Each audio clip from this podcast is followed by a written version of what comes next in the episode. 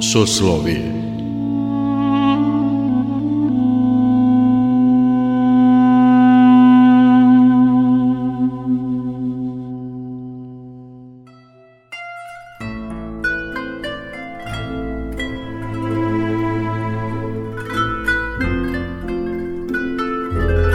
Slušate Soslovije, religijski nedeljnik Radio Novog Sada. Dobrodošlicu vam želi Mirjana Ranković. Pravoslavni hrišćani danas su obeležili sećanje na svete mučenike Kozmu i Damjana, koji su u narodu poznati kao sveti vrači. Ovi sveci se smatraju zaštitnicima lekarske profesije. Slave se dva puta godišnje, 14. jula kada je umro Kozma i 14. novembra kada je umro Damjan. Osim u hramovima Srpske pravoslavne crkve i pravoslavnim domovima, ovaj praznik se obeležava i u mnogobrojnim zdravstvenim ustanovama koje svetitelji i lekare slave kao zaštitnike svoje profesije. Prema predanju, svetitelji su pomagali i lečili, ne tražeći za uzvrat ništa – radi dobitka i bogaćenja, već Boga radi, pa su u narodu poznati kao sveti bez srebrenici. Sveti Kozma i Damjan, braća po telu, rodom iz Azije, sijeli su dobrim delima, pa dobiše od Boga dar isceljenja i darovaše zdravlje i dušama i telima, lečeći svaku slabost i svaku nemoć. Zapisao je sveti vladika Nikolaj Velimirović.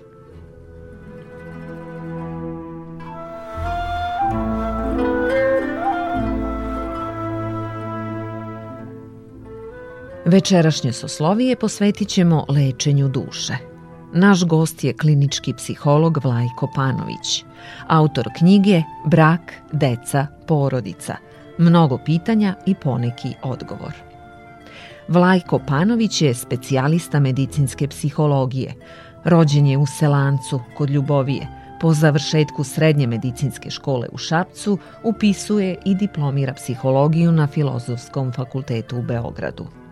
Svoju bogatu karijeru u radu sa ljudima započeo je davne 1983. godine kao psiholog u gardijskoj brigadi. Tokom ratne 1992. godine prelazi da radi na Institutu za mentalno zdravlje i vojnu psihologiju u okviru Vojno-medicinske akademije u Beogradu na mesto kliničkog psihologa.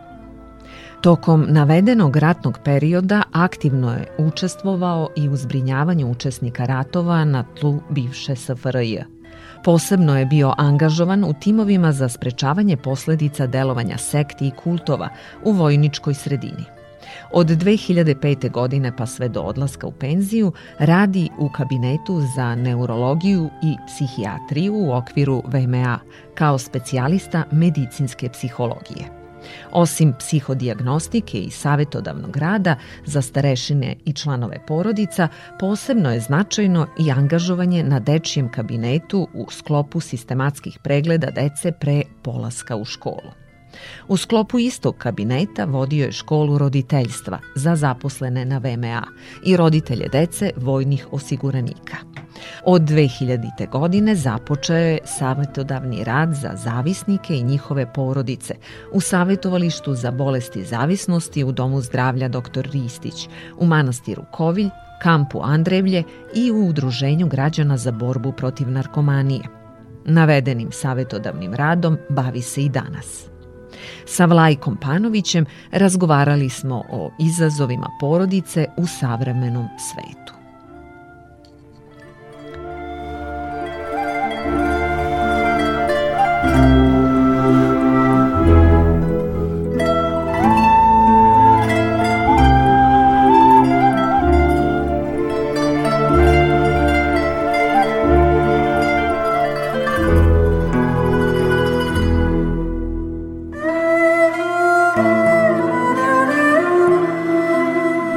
Se da savremenom društvu nije potreban ni brak, ni deca, ni porodica.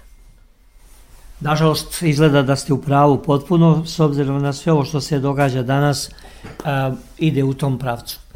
forsira se sebičnost, a, nažalost nema empatije dovoljno, a ne možemo voleti drugoga ako nemamo razumevanje za njega, za njegove slabosti ili bar ako ne osjećamo njegovu tugu, njegovu radost, ako nismo delom u njemu i znači da ne možemo ga prihvatiti.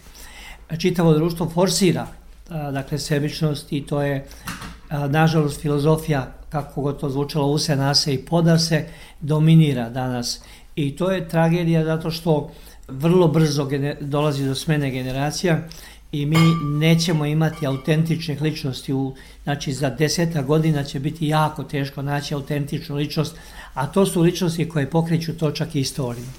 Zapravo mi danas već imamo copy-paste generaciju i to jeste izgleda cilj, znači ujednačavanje, da svi ljudi isto misle, da nemaju potrebu da budu E, autentični. Naprotiv, mi imamo često situaciju da deca koja štrče bivaju uvlačena u to uprosečavanje i često maltretirana, terorisana, znači fizički i tako dalje.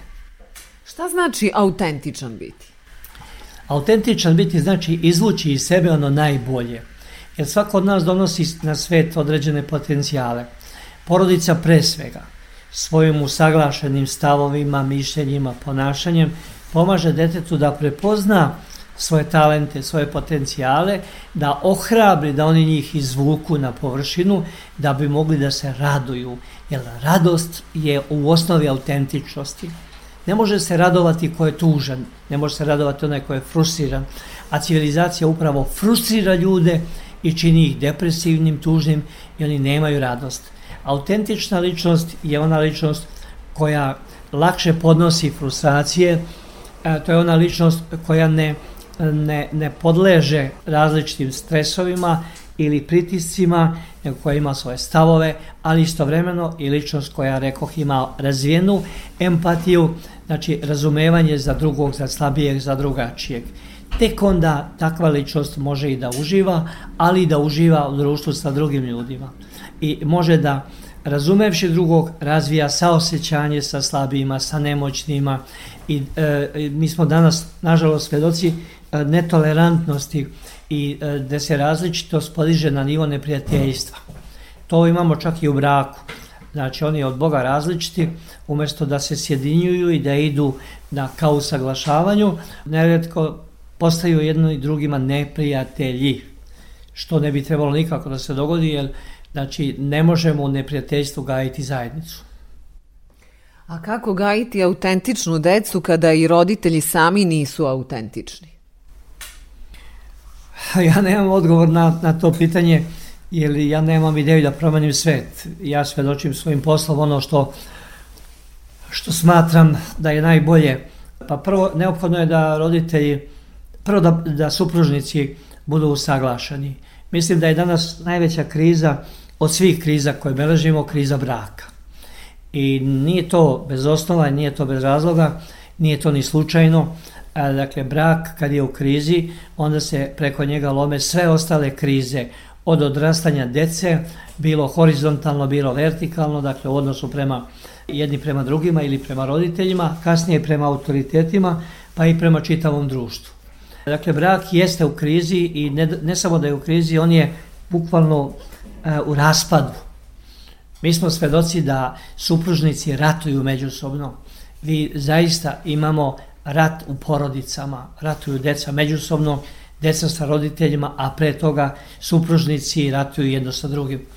Kad, I kad ne ratuju, oni žive u posebnim sobama sa svojim raznim ekranima, igračkama i ja beležim da nikad nije više bilo usamljenih ljudi nego danas. Dakle, ne samih, nego usamljenih i oni koji su usamljeni, a žive u braku. Sam čovek ima slobodu, ima mogućnost i da organizuje sebe i da ne bude usamljen. Ali onaj ko je u braku, a usamljen, znači svaki njegov iskorak ponovo pojačava neprijateljski čin onog drugog. I to je tragedija E, zato je neophodno, možda ja govorim jakim rečima ili prenaglašenim, ali ja to tako doživljavam. A zašto je tragedija? Zato što se sve to prelama preko zdravog odrastanja dece A ja sam neko ko je ili radeći sa decom zapravo pre svega video kako se sve to oslikava na njihovo mentalno zdravlje, odnosno na razvoj uopšte. Vi ste klinički psiholog, mnogo godina ste proveli u praksi radeći sa porodicama, sa decom. Radili ste i sa porodicama ovisnika. Zašto je važno raditi upravo sa porodicom? Mi imamo danas kampove koji izbrinjavaju zavisnika od različitih psihoaktivnih substanci, ali nemamo još kampove, nažalost, za ove koji su obsednuti medijima. I ja se nadam da će u budućnosti vrlo skoroj doći do organizovanog, organizovanijeg zbrinjavanja ljudi koji su postali ne samo zavisni, nego obsednuti. Vi ako posmatrate nekoga ko je ko je ovaj, e, sedi ispred ekrana, vi ćete vidjeti njegovu potpunu obsednutost i anesteziranost za događaj oko njega. Ako radite samo sa zavisnikom od psihoaktivne substancije, bilo je u pitanju alkohol ili bilo šta drugo, pa ga vratite u porodicu e, znači, iz koje on pošao, e, koja nije imala dovoljno razumevanja ili nije imala dovoljno ohrabrujućih poteza u smislu da ga usmeri ka željenom pravcu, e, onda će on vrlo brzo vratiti se na isto.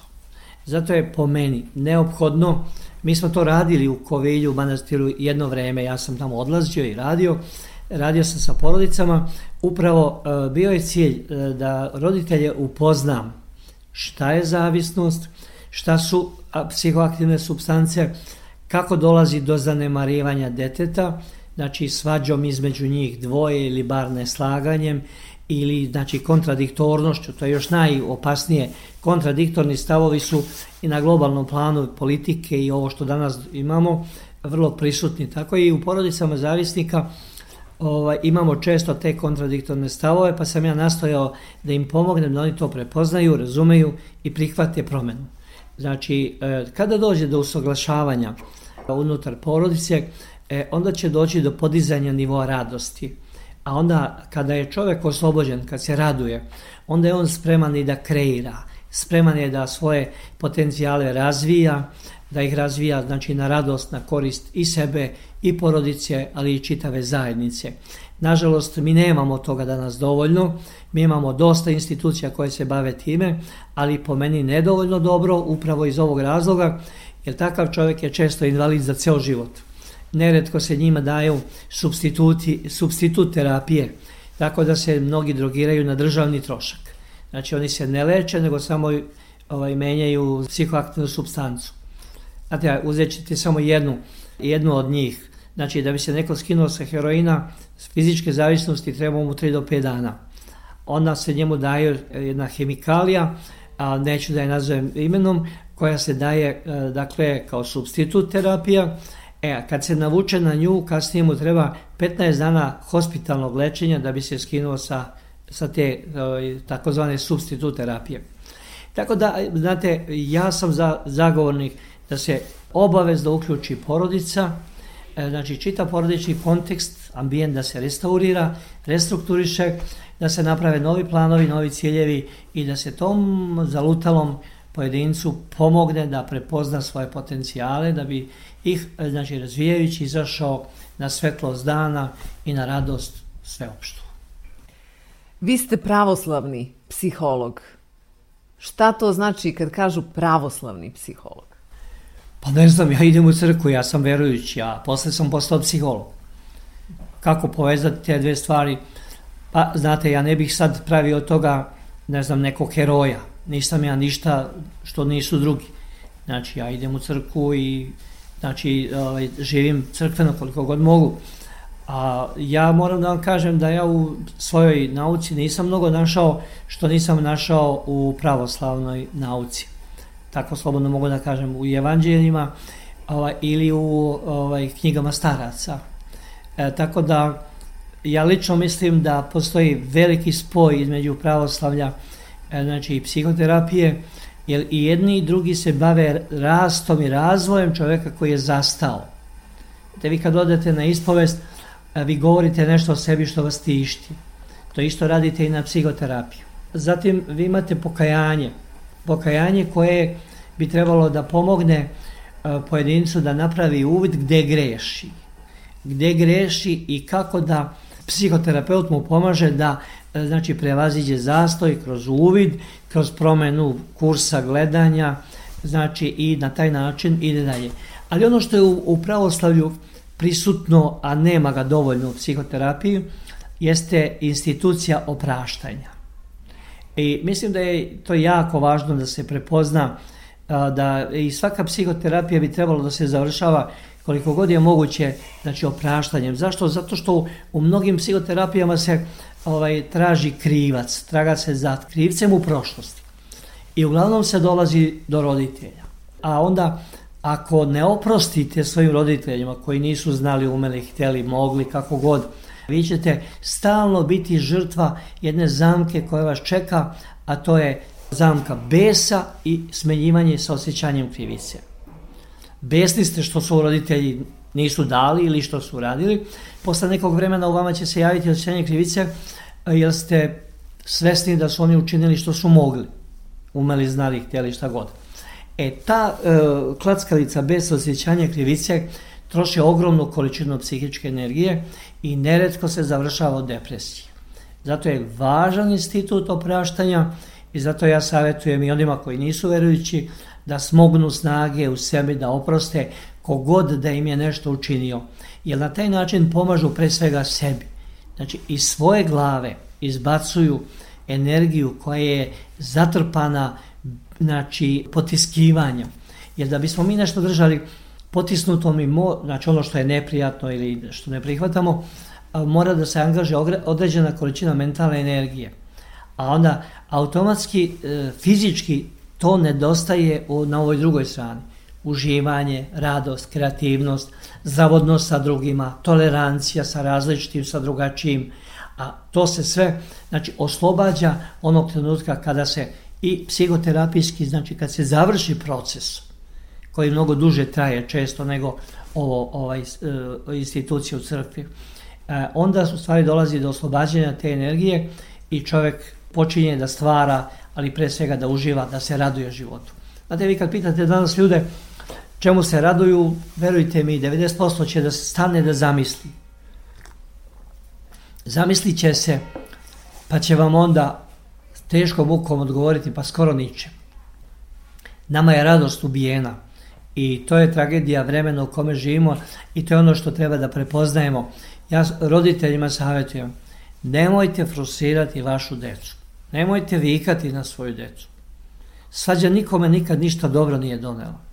I kad se svađa unutar porodice, supružnici ili kogod, to je nevolja za sve one koji učestvuju. Nema pobednika. Ljudi se džaba svađaju. Kad se svađaju, njihova srca se ovako udaljavaju. Jer znate kako, bilo kakva kritika koja je neosnovana, pogotovo koja je plasirana znači, povišenim tonom, kod onoga kome je namenjena, izaziva frustraciju. Frustracija izaziva bol, skupljanje, znači svesti, suženje svesti. Automatski srce ostaje hladno. Zato je samo radost ta koja pomaže čoveku e, znači da otvori svoje srce i da primi drugog u sebe i da ga razume i da na kraju promeni svoj stav, svoj ponašanje, svoj pristup prema tom drugom. A to je ono što nedostaje današnjoj zajednici. Nedostaje mi jezik, mi. Mi forsiramo ja. I vi ćete čuti neretko da svako od njih govori moja plata, moja kuća, moja deca, moja milica i onda ih ja onako u šali pitam je li vi imate dve milice ili imate jednu milicu. Onda tek oni se ono postanu svesni zapravo da govore u prvom licu jednine i, i znači zamjenice, ja, moj, moja. A redko mi. U engleskom se ja piše velikim slovom. Nećemo da budemo englezi, ajde da budemo Srbi. Ili ljudi koji žive u Srbiji, ne misli samo na Srbe, nego na ovaj prostor gde egzistiramo. Da razvijamo to mi. Mi sa Mađarima, mi sa Rusima, mi sa ovima. Znači, ali mi zajedno, ne ja, jer ja odvaja e, pojedinca od drugoga. To je separacija.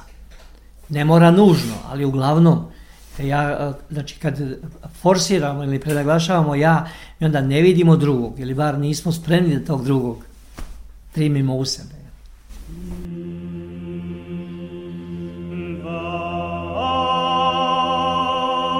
Oh.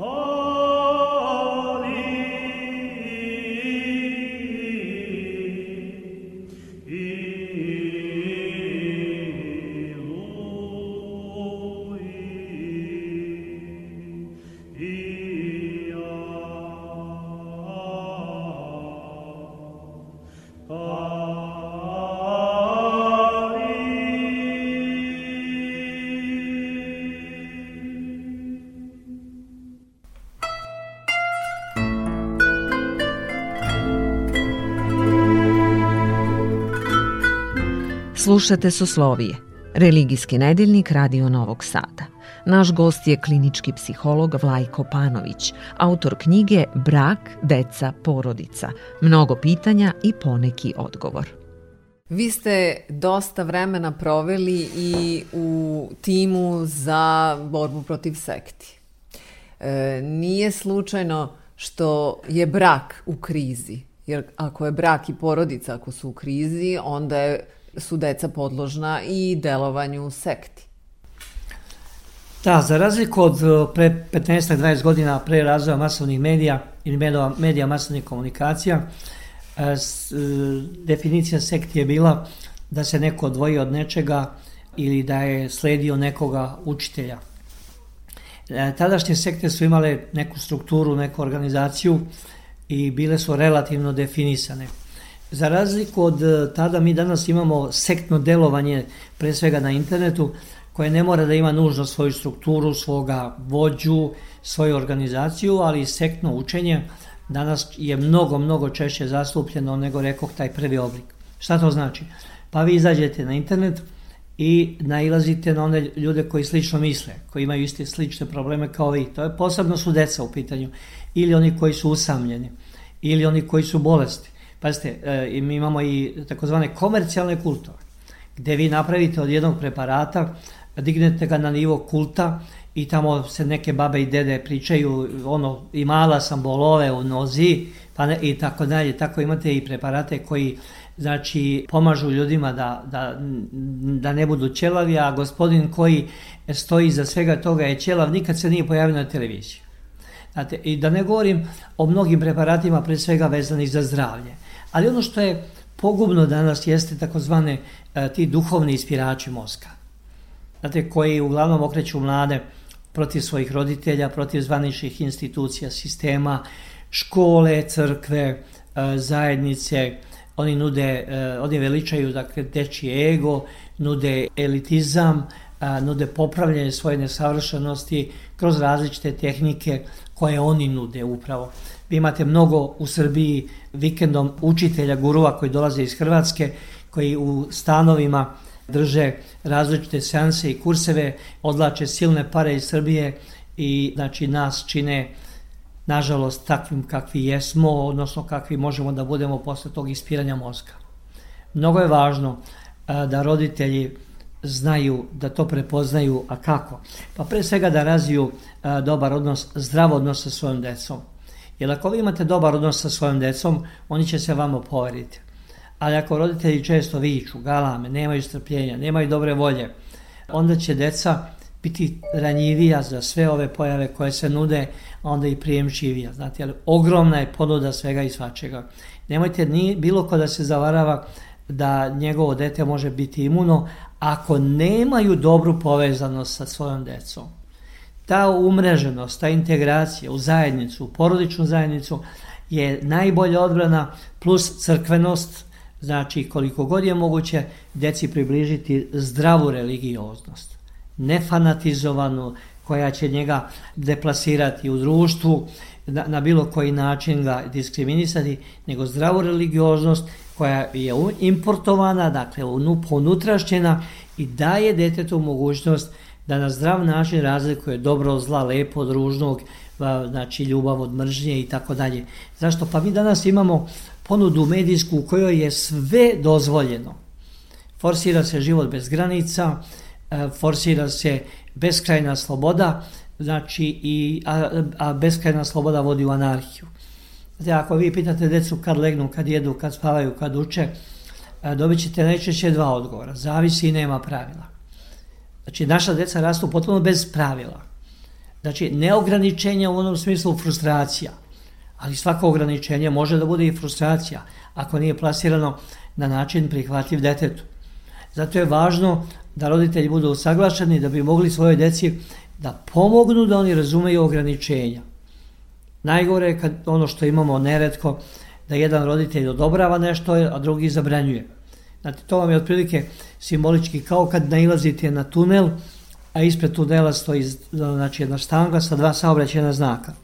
Jedan je zabranjen ulazak u tunel, a drugi je obavezan prolaz kroz tunel. Kako će se osjećati čovjek zbunjeno, uplašeno, nesigurno. Tako mi imamo ogroman broj dece koje nemaju samopouzdanja, a, a vuku korene iz neusaglašenih stavova, poruka i ponašanja roditelja, znači pre svega. Na čemu ste vi zahvalni vašim roditeljima? Pa na dobroti i strpljenju koji su mi dali i na nekim putevima, u, pre svega u smislu ograničavanja. Oni su mi pomogli da razumem da u životu postoji mnogo a, nepravde, frustracija a, i da život nije lak, ali da je moguće živjeti samo ako radiš. Jer e, na kraju, znate, možda da se poigramo rečima, i radost počinje sa rad. I radostan je onaj čovjek koji u radu nađe zadovoljstvo. E, dakle, on traži zadovoljstvo u sebi.